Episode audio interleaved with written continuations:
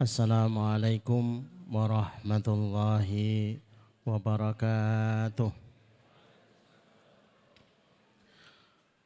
Alhamdulillahi rabbil alamin. Wassalatu wassalamu ala ashrafil anbiya'i wal mursalin wa ala alihi wa ashabihi wa man tabi'ahum bi ihsanin ila yaumiddin.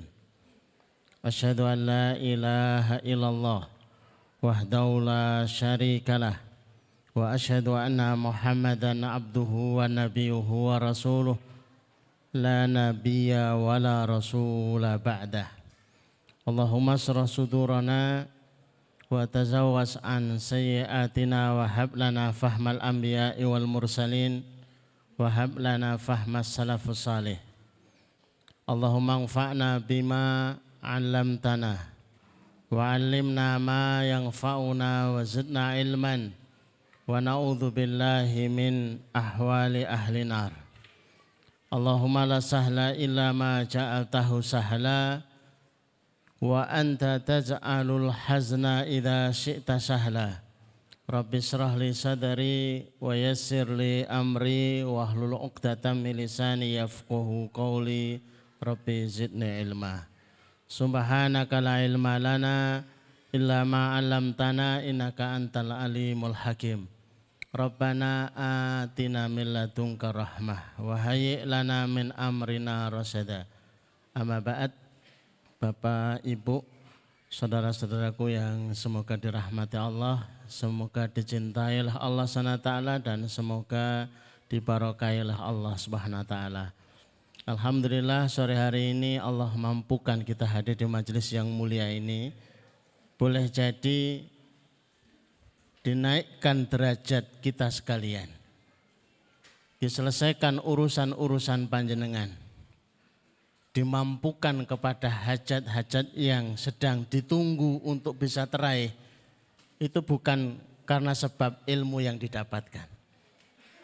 Tapi justru karena kehadiran yang kemudian berkerumunnya malaikat dengan menaungkan sayap-sayapnya dan memintakan ampun buat panjenengan dengan itu sumbatan-sumbatan hambatan-hambatan rezeki itu kemudian terurai kemudian menjadi hak rezeki yang sesungguhnya. Maka hadir di dalam majelis ilmu yang paling mengesankan itu justru kehadirannya yang pertama-tama karena begitu hadir ada ayat yang dibacakan itu sekaligus mengundang para malaikat untuk hadir ikut serta kemudian mendoakan mereka-mereka yang ada di majelis ilmu. Bahwa kemudian kita difahamkan sesuatu. Bahwa kemudian kita mendapatkan oleh-oleh pencerahan. Bahwa kita kemudian mendapat sesuatu yang bisa kita jadikan pegangan yang sebelumnya kita terguncang itu hanya semata bonus saja. Kalau dua-duanya dilakukan ini akan menjadi sesuatu yang luar biasa. Bapak Ibu yang dirahmati Allah, karena sudah ada fasilitasnya mulai Jumat yang kemarin saya menggunakan fasilitas yang sudah ada agar yang berkontribusi juga mendapatkan jariah kalau dipakai itu ya.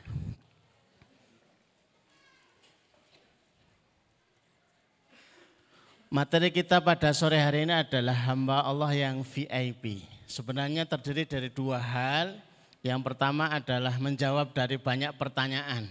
Barangkali panjenengan salah satunya yang bertanya, cuma kesempatan saja yang belum belum ada. Ada yang bertanya kenapa kami ini jalan di tempat. Sekian waktu itu-itu saja. Jalan di tempat itu kalau didefinisikan ya urusan tidak kelar-kelar, estafet masalah ndak ada habisnya. Habis ini ini, habis ini ini, habis ini ini. Kalau nikmat ndak apa-apa, tapi kalau masalah kan ya masalah gitu ya. Nggak rampung-rampung. Begitu alhamdulillah belum sempat bernafas sudah bismillah lagi gitu ya. Jadi terus menerus itu ya. Kemudian hutang ndak kunjung lunas. Kali ini kayaknya harusnya ditaruh nomor satu. Ya ini biar estetikanya dapat aja ya. Sebenarnya saya tahu itu nomor satu masalah kita. tapi ditaruh nomor 4 biar kayaknya itu kayak nggak banyak masalah gitu ya. Sudah terhibur dulu dengan itu. Kok nggak lunas-lunas kenapa ya? Nanti akan ketemu jawabannya itu sederhana. Mendapatkan sesuatu kok nggak dapat-dapat, pasangan nggak dapat-dapat, keturunan nggak dapat-dapat, ini masalahnya apa? Yang kelima lelah tak berubah. Sudah lelah tapi nggak berubah. Kayaknya gayanya itu banyak, jurusnya itu banyak, tapi nggak berubah. Ini ada apa? Ikut seminar sini, ikut seminar sini, datang ke sini, datang ke sana. Tapi ternyata tidak membawa perubahan ini ada apa? Jawabannya sederhana kalau Bapak Ibu pengen tahu. Gitu ya. Mobil yang diparkir di sana, sekalipun itu sudah dipanasi, kemudian bensinnya ada, sopirnya ada, dan semua variabel untuk jalannya ada, tapi satu yang belum ada tujuan. Kira-kira sampai mana Bapak Ibu? Panjenengan sudah di atas mobil, sopir ada, bensin ada, cuma nggak ada tujuan. Ya, ya di situ terus. Satu jam kemudian ya di tempat. Dua jam kemudian ya di tempat. Dua hari ya di tempat. Satu bulan di tempat karena tidak ke mana-mana. Alasan sederhana sepertinya, tapi kita itu ngulang berulang-ulang. Kita tidak punya tujuan, mau ke mana. Tapi giliran kita itu merasakan jalan di tempat, itu baru ngeluh. Kenapa kok enggak jalan-jalan? Lo enggak punya tujuan kok. Wong sudah di atas kendaraan motor saja itu. Bu, tindak bunti. Enggak tahu. Lo kok naik motor? Ya jalan-jalan enggak tahu nanti sampai mana. Itu enggak akan ke mana-mana. Sampai secang aja enggak? Sampai kaloran terlalu jauh, paling yang muter-muter di tempat parkiran itu ya. Muter-muter. Kerasa banget hidup itu muter-muter karena tidak punya tujuan. Kalau ditanya hutang itu mau lunas berapa lama? Lah, itu kan wallahu a'lam. Ya semua tahu kalau itu wallahu a'lam. Tapi mbok yau ditulis dua tahun insya Allah itu lunas. Tapi 10 miliar itu ngenyek Allah. Dua tahun nggak bisa lunas? Bisa. Bahkan 200 miliar pun bisa bagi Allah.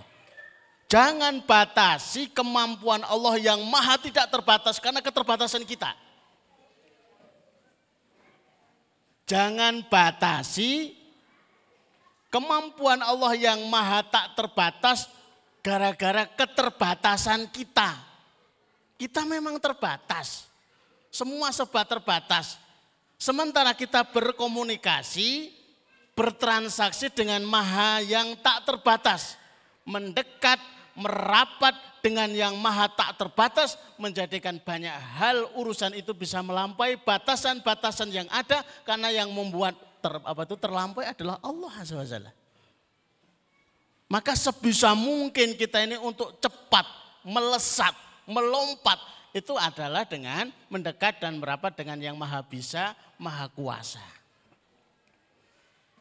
Sederhananya Bapak Ibu, sudahkah punya tulisan? Yang mau dikejar itu kira-kira satu bulan itu apa? nampak sederhana, lebih saya buat spesifik kalau kemarin itu punya tujuan yang dalam jangka panjang, coba ini lebih diperpendek lagi. Bulan ini saya akan satu, dua, tiga, empat, lima, sepuluh saja. Baru kemudian kita akan olah, kita akan masukkan katalisator untuk bisa menjadi seberapa cepat kita bisa menyelesaikan itu semua. Apakah itu ada dalilnya? Menyelesaikan pakai tahap per tahap itu ya. Hari ini dengan teknologi yang ada, berusaha untuk menyusun segala sesuatu itu sistematis.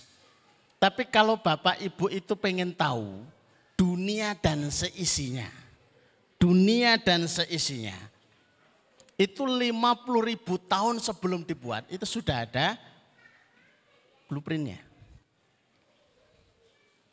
Bukankah lauhul mahfud itu dibuat 50 ribu tahun sebelum kejadian? Allah maha sempurna. Tanpa membuat pun Allah bisa. Kenapa harus disampaikan Allah harus menulis seperti itu? Agar itu menginspirasi kepada hambanya. Akan sekian banyak prestasi dan prasasti yang bisa dilahirkan ketika seseorang itu mulai menulis, menulis, menulis. Ada syukur yang harus diucap yang harus diunggah setiap saat ketika sepuluh hal itu kemudian dimampukan oleh Allah SWT. Dan mulai akan meng, menguap takabur kita itu. Oh yang memampukan kita Allah, yang membuat bisa itu Allah. Maka sepulang dari sini Bapak Ibu tuliskan mau ditempel boleh, tidak ditempel boleh, masih di buku boleh, atau di mana pun. Coba sepuluh hal yang ingin diraih dalam satu bulan ini itu apa. Nampak sederhana. Biar kita itu punya doa. Tahukah amalan yang paling disukai Allah di antara amalan-amalan yang disukai Allah? Amalan itu adalah menunggu jawaban. Menunggu jawaban itu amalan. Ketika kita pagi-pagi ngopi, Pak jenengan amalannya injang niki nopo? Nunggu jawaban. Jawaban apa? Dari Allah Azza malam kok kelihatan nyantai itu. Jenengan niku amalan apa? Menunggu jawaban.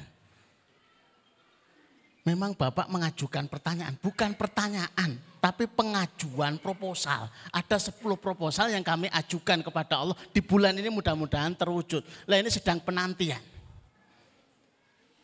Innallaha yuhibbul mulhina fid du'a. Allah suka kepada hamba yang suka terus, terus dan terus mengajukan permintaan dan permohonan.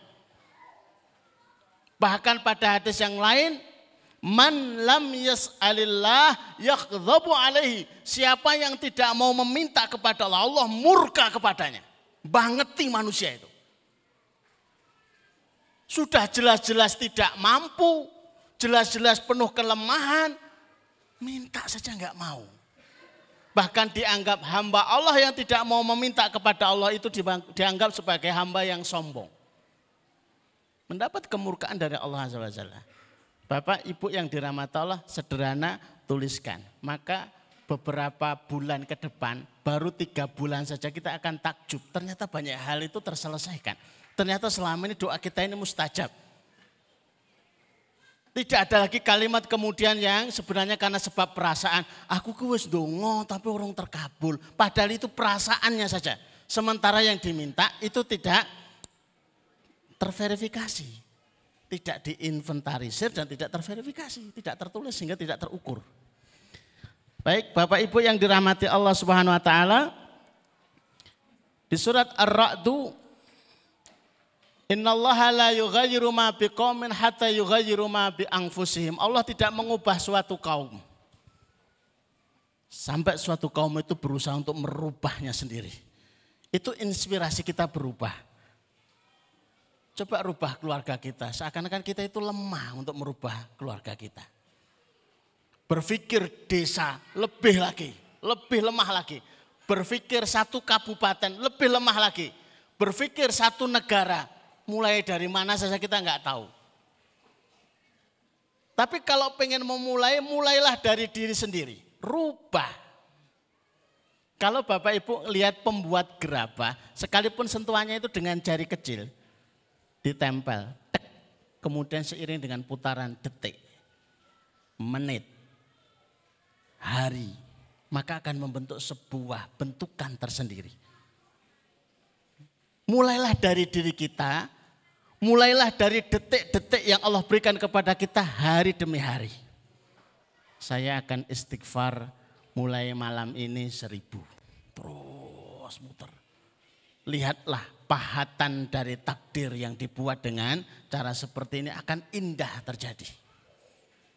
Saya akan mulai menambah tilawahnya dua lembar, tiga lembar, sepuluh lembar. Lihatlah dia tidak sadar dia sedang merubah dirinya, merubah keluarganya dan keluarga yang berubah itu merubah dari lingkungannya. Lingkungan lingkungan yang berubah akan merubah desa dan kampungnya, kampung-kampung yang berubah akan merubah kabupatennya dan kabupaten-kabupaten yang berubah akan merubah provinsinya. Berapa banyak provinsi yang berubah akan merubah negaranya. Dahulu kala Rasulullah itu seorang diri, kemudian ngajak istrinya, kemudian ngajak anaknya, kemudian ngajak sahabatnya, kemudian ngajak pembantunya, kemudian ngajak orang-orang dekatnya, kemudian putaran ini menjadi pusaran yang kemudian membentuk dakwah yang demikian besar dan mubarakah. Rasul pun menyusun strategi. Bapak Ibu yang pernah membaca bagaimana Rasulullah hijrah. Kenapa kok repot-repot pakai nyusun strategi itu ya?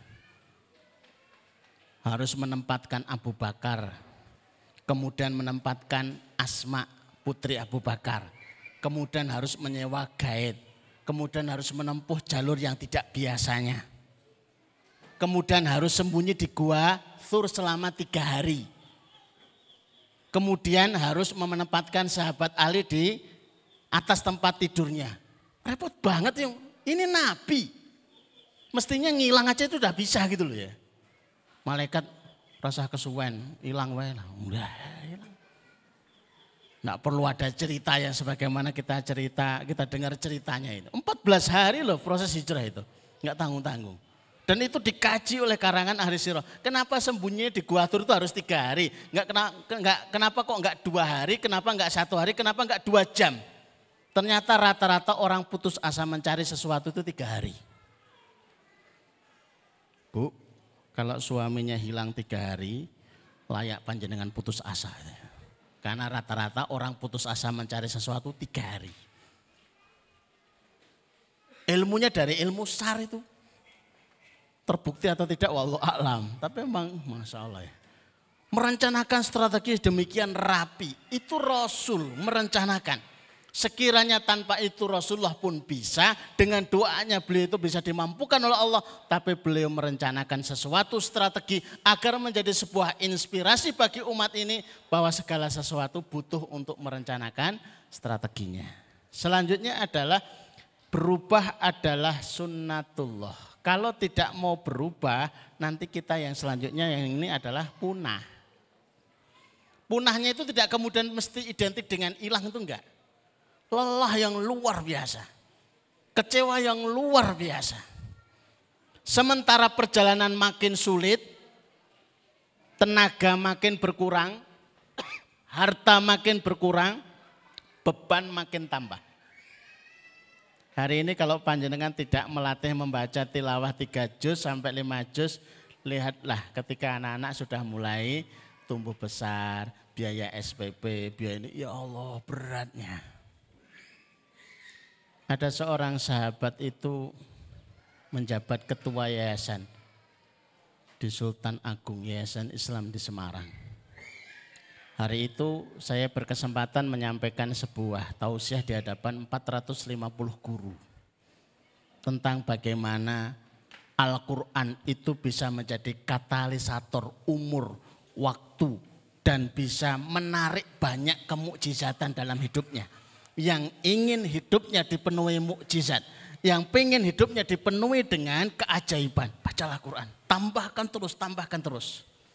Maka sekalipun beliau itu posisinya sebagai salah satu ketua di yayasan, ada fasilitas mobil pribadi. Beliau tolak. Padahal rumahnya Purwodadi. Malah naik bis sama istrinya itu. Berangkat dari rumah sampai ke kampus dua jam, pulang dua jam. Kenapa kok ditanya itu? Sampai di sidang ada masalah apa, khawatir korupsi atau enggak. Saya pengen baca Quran di bis. Berangkat dapat dua juz, pulang dapat dua juz, di rumah sama istrinya satu juz. Sekitar empat bulan kemudian saya tanya apa yang Allah suguhkan bagi panjenengan. Ya Allah Ustadz, kenapa enggak dari dulu panjenengan nyampaikan kepada kami? Kenapa enggak dari dulu juga diundang aku? Saya enggak mau kalah dimarahi, saya ganti marahi dia. Apa yang Allah dapatkan? Coba saya pengen dengar. Kita barusan dapat hadiah umroh bersama. Terus Anak saya semuanya dapat beasiswa itu dalam waktu bersamaan. Terus panen buah naga sukses. Panen buah apa ini jambu kristal sukses. Saya senang banget, istri kami senang banget, anak-anak itu tambah luar biasa. Sekarang ikuti luar biasa. Kalau sudah tahu seperti itu tidak mau melepaskan. Makin tambah kecanduan tilawatil Quran. Hari-hari kemarin kita nggak tahu dengan Quran apa yang harus dilakukan. Hanya sekedar mengkajinya belum tentu faham, belum tentu bisa diamalkan. Pada sesungguhnya baru sebatas membacanya saja. Belum ditingkatkan kepada yang lain. Hasilnya sudah luar biasa. Maka mayoritas para sahabat itu hatam seminggu sekali. Kalau Bapak Ibu lihat informasi di sosial media, ada ibu namanya Nusaibah, usianya 104 tahun, sehat walafiat. Rahasianya apa? Seminggu sekali hatam Tapi tidak akan kita bahas karena materinya bukan itu. Kita bahas dua strategi ini saja. Ini pun waktunya sudah mepet banget. Satu, menentukan tujuan. Lunas hutang kapan? Ya ditulis. Kalau misalkan tidak sesuai dengan waktunya ya ditulis lagi. Tulis sebanyak-banyaknya kalau perlu gitu ya. Itu lebih sederhana. Ya Allah kabulkan seratus doa kami. Ya Allah kabulkan seribu doa kami. Ini luar biasa. Kalau berhasil semua, ini jadi sesuatu yang luar biasa. Yang kedua karena kita ingin membuat katalisator kehidupan itu berfungsi. Apa itu katalisator kehidupan? Ada di surat Al-Isra ayat 9. Inna hadzal Qur'an yahdi lillati hiya aqwam. Sesungguhnya Quran ini akan menunjukkan, mengantarkan sampai tepat seperti yang diinginkan. Silakan dicek surat Al-Isra ayat 9. Tapi kalau kita tidak punya tujuan, sehebat apa pun katalisator kita miliki, nggak akan sampai ke mana-mana. Karena tujuannya belum dibuat, maka buatlah tujuan, dan fungsikan katalisator kehidupan itu karena Al-Quran yang dibaca, Al-Quran itu akan membuat barokah waktu-waktu yang didapatkan. Hari ini kalau ditanya Bapak Ibu itu hatam satu juz kira-kira berapa lama? Rata-rata jawabnya 30 menit, 45 menit, bahkan satu jam, bahkan lebih dari satu jam. Tapi Al-Imam Syafi'i itu pernah menjelaskan beliau bisa hatam satu juz itu dalam waktu 10 menit. Dan ada syekh yang kemudian menjelaskan pula kepada kami bisa membaca Quran satu juz 10 menit. Kok bisa? Saya juga tanya gitu waktu itu, kok bisa? Ya begitulah barokah di atas barokah. Kita ngerasanya 30 menit, tapi jam tuh kayak berhenti Pak. Mungkin orang melaku-melaku 10 menit. Wah, gitu. Ya. Sehingga banyak hal yang bisa dilakukan. Di antara pahlawan kita yang suka baca Quran itu Jenderal Sudirman. Itu paling senang baca Quran. Kalau ditilik usia 36. Panjenengan yang usia 36 itu ya kayak apa? Ya kayak seperti itu ya pencapaian apa, prestasi apa yang bisa dilakukan. Tapi beliau itu bisa menjadi panglima besar. Prestasi yang luar biasa. Tidak ada jalan-jalan protokol di negeri ini kecuali namanya Jenderal Sudirman. Jalan Jenderal Sudirman kok bukan protokol itu aneh gitu aja. Barokah, Masya Allah. Kita lanjut menentukan tujuan tanpa tujuan kita akan jalan di tempat. Lihatlah kalau panjenengan berkenan, wabil khusus para bapak habis sholat dengan sambil ngelirik kanan kiri. Ngorak doa anteng-anteng. Kalau sampai ada yang tangannya diangkat nangis dileweran, itu rata-rata punya hutang. Ini bukan curiga pak, bukan curiga. Mereka fokus punya tujuan. Yang tidak punya hutang, juga tidak punya uang, itu tenang aja itu ngitung usul. Bahkan pengen cepet-cepet habis sholat itu pengen segera pulang. Eman-eman banget. Ada waktu suguhan untuk minta kok enggak minta. Berapa banyak kita temukan habis sholat itu semuanya itu diem gitu loh. Berdoa itu ya enggak. Malah ngelamun. Begitu selesai kemudian di teras ngobrol. Harga-harga naik, ini resesi ekonomi. Lah maunya apa orang ngomong? Kan harusnya habis sholat tadi ngobrol sama Allah. Ini sudah selesai waktu mustajabahnya baru ngobrol telat. Habis adzan, gunakan ya Allah. Jangan sampai waktu berlalu kemudian kita tidak berdoa. Saya selalu bayangkan Bapak Ibu, kita itu dikunjungi 10 kali minimal ada truk yang mengambil sampah-sampah kita. Lewat saya. Tapi kita nyantai saja nggak mau naruh sampahnya di situ. Akhirnya sampah menumpuk di rumah kita. Faham tidak analog ini? Kita itu punya sampah masalah. Masalah yang tidak dibuang pada tempatnya, akhirnya numpuk jadi sampah-sampah masalah. Penuh rumah kita dengan sampah masalah. Ketika terlalu banyak sampahnya, kita kemudian mengadunya, Allah kenapa ini kok hidup saya penuh sampah masalah. Waktunya buang, tidak kamu buang. Waktunya bisa diurai dan diselesaikan, tidak segera diselesaikan. Padahal kalau itu dicicil terus ya selesai, selesai. Sampai bahasa Rasulullah, kalau ada di depan rumah itu sungai, mandi lima kali. Apakah tersisa sedikit pun kotoran? Tidak ada ya Rasul. Begitulah sholat lima waktu mestinya membersihkan dosa-dosa. Dengan itu membersihkan dari masalah-masalah yang ada. Tujuan kehidupan adalah tujuan. Aneh kan? Iya, saya nulisnya juga aneh. Tujuan kehidupan itu tujuan. Kalau enggak punya tujuan kehidupan berarti enggak punya tujuan, maksudnya begitu. Tanpa tujuan hidup ini membosankan. Ibu, bapak pernah naik motor bareng Neng di Pak, pokoknya maju. Nah kan nanti tahu Bu, pokoknya aku bonceng. Ngono terus dino-dino rong jam. Tuh, wah iki neng di to. Wis pokoknya jalan-jalan. Ora genah. Membosankan banget itu. Atau panjenengan muter sini, anak saya yang kecil aja bosan itu. Enggak asik muter 10 kali, 30 kali. Emang tuaf. Gak punya tujuan, membosankan. Padahal namanya motor vario, itu kalau kita itu punya tujuan, bisa sampai Bawen, bisa sampai Semarang, bisa sampai Paraan, bisa sampai mana-mana. Wonosobo bisa.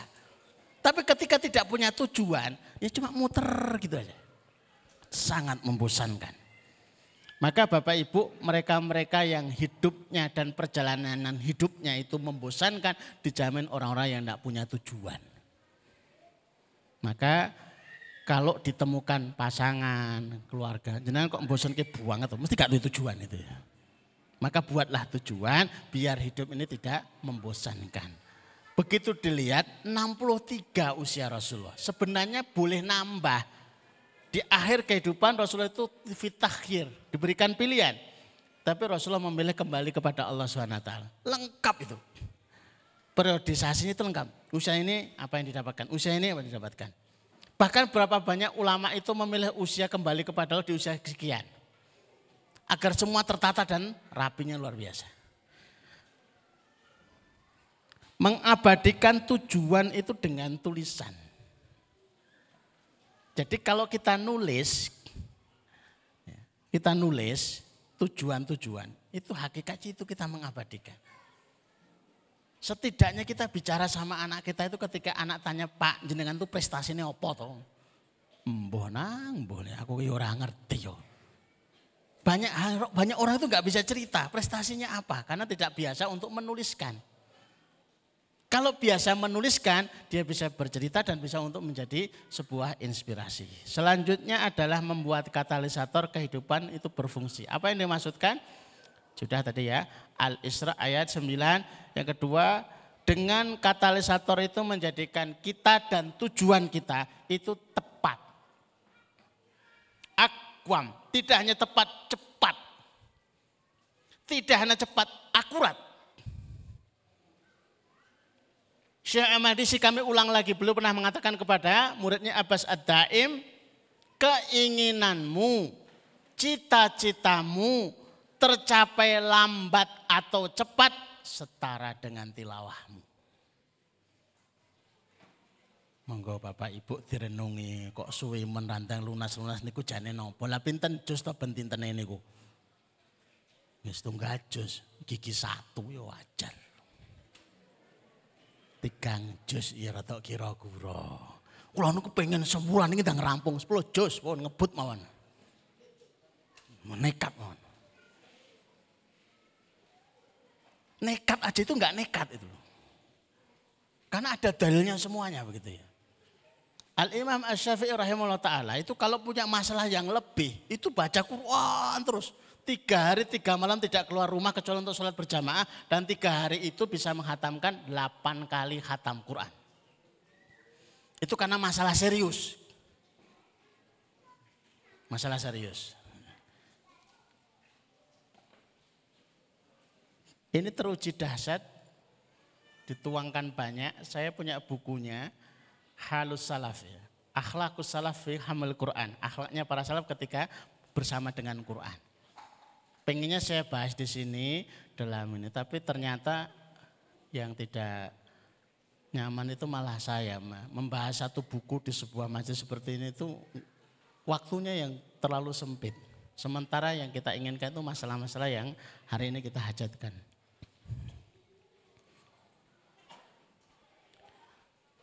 hamba Allah yang VIP itu sesungguhnya hamba Allah yang istimewa. Maka hadis ini akan kita ulang dan kita dengungkan kembali. Innalillahi ahlin. Sesungguhnya Allah punya keluarga di dunia ini. Siapa keluarga Allah itu?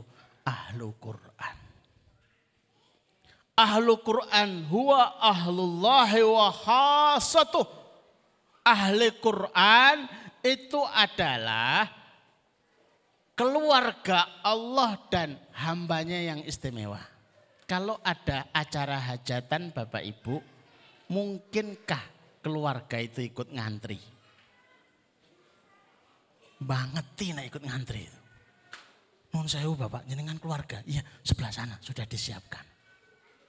Sudah disiapkan di ruang transit, ruang VIP. Kalau ada Pak Bupati itu rawuh kemudian ngambil teh, ikut ngantri jajar barang itu. Wah ya disempret. Monggo, monggo, monggo. Beliau tinggal pinara, kemudian diambilkan minuman. Kenapa? Istimewa. Pengen nggak menjadi hamba Allah yang istimewa? Yang pengen hidupnya itu diistimewakan yang ingin dia itu di dunia seperti keluarga Allah sehingga mendapatkan fasilitas-fasilitas istimewa, maka hendaklah ia menjadi keluarga Allah Azza Saya baru dapat WA. Tulisan hamba VIP itu sudah ditulisan pagi, tahu siapa pagi. Kemudian ada yang praktek testimoni, kemudian cerita anaknya seorang santri dan bukan santri Zabisa. Ketatnya luar biasa. Tidak boleh keluar, ditemui jamnya tertentu. Anak ini pengen menguji, saya pengen menguji apakah benar kalau membaca Quran itu akan menjadi hamba Allah yang VIP. Dia baca setiap hari lima juz, lima juz, lima juz, lima juz, lima juz. Aneh. Tiba-tiba dipanggil ustazahnya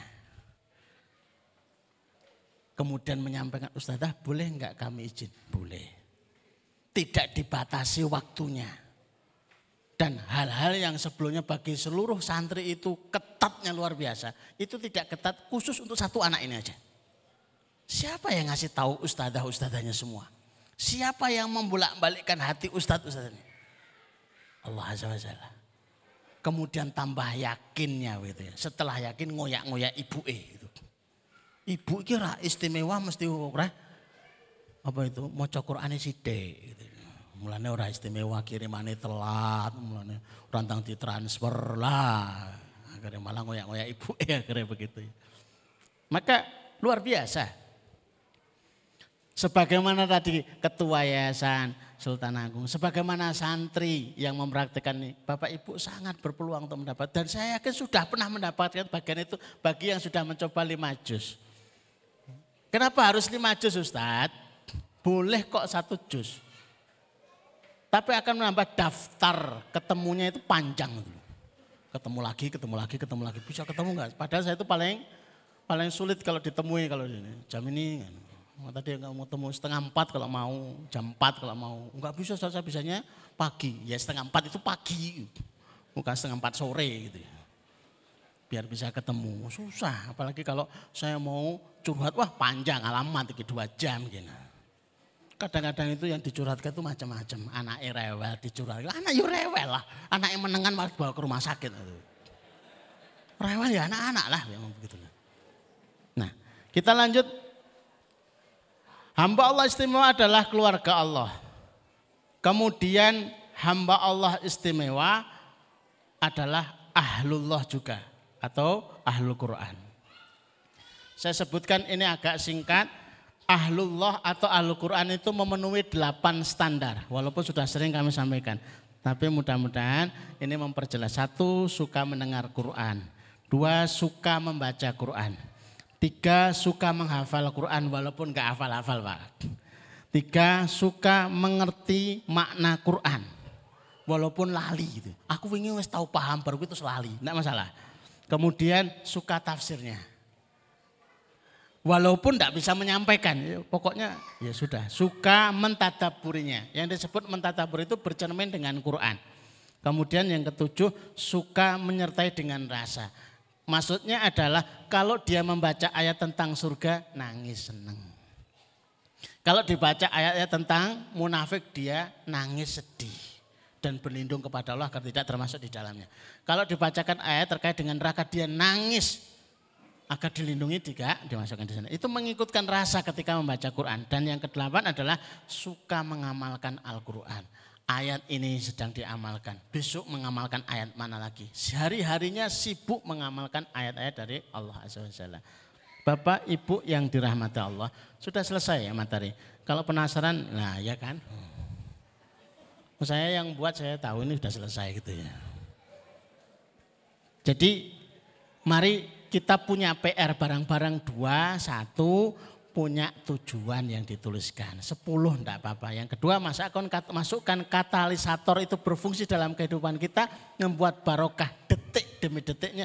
Yaitu dengan tilawatil Quran. Saya suka mengawali dari lima juz karena sudah kami uji 8, 9 sampai 10 tahun yang silam. Kalau dimulai dari satu nanti tambah lama lagi proses untuk membuktikannya. Sudah ikuti saja lima juz saja. Nanti hasilnya sudah bisa dirasakan dan hasilnya Masya Allah luar biasa. Memang susah. Tapi susahnya membaca Quran itu dipahalai. Susahnya membaca Quran itu adalah ibadah. Susahnya membaca Quran setiap hurufnya diberikan 10 hasanah.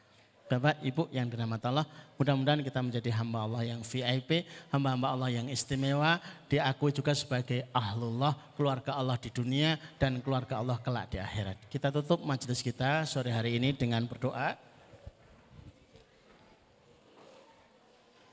Bismillahirrahmanirrahim. Allahumma salli ala Muhammad wa ala ali Muhammad kama sallaita ala Ibrahim wa ala ali Ibrahim innaka Hamidum Majid.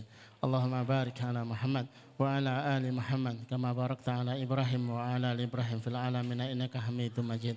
والحمد لله رب العالمين. لا إله إلا أنت سبحانك إني كنت من الظالمين. لا إله إلا أنت سبحانك إني كنت من الظالمين. لا إله إلا أنت سبحانك إني كنت من الظالمين. اللهم يا رحمن يا رحيم يا حي يا قيوم يا ذا الجلال والإكرام.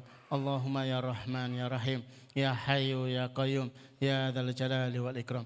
Allahumma ya Rahman ya Rahim ya Hayyu ya Qayyum ya Dzal Jalal wal Ikram. Allahumma inna nas'aluka min khairin ما سأل منه نبيك محمد صلى الله Muhammad وسلم alaihi wasallam من شر ما syarrin منه نبيك محمد Muhammad الله alaihi wasallam.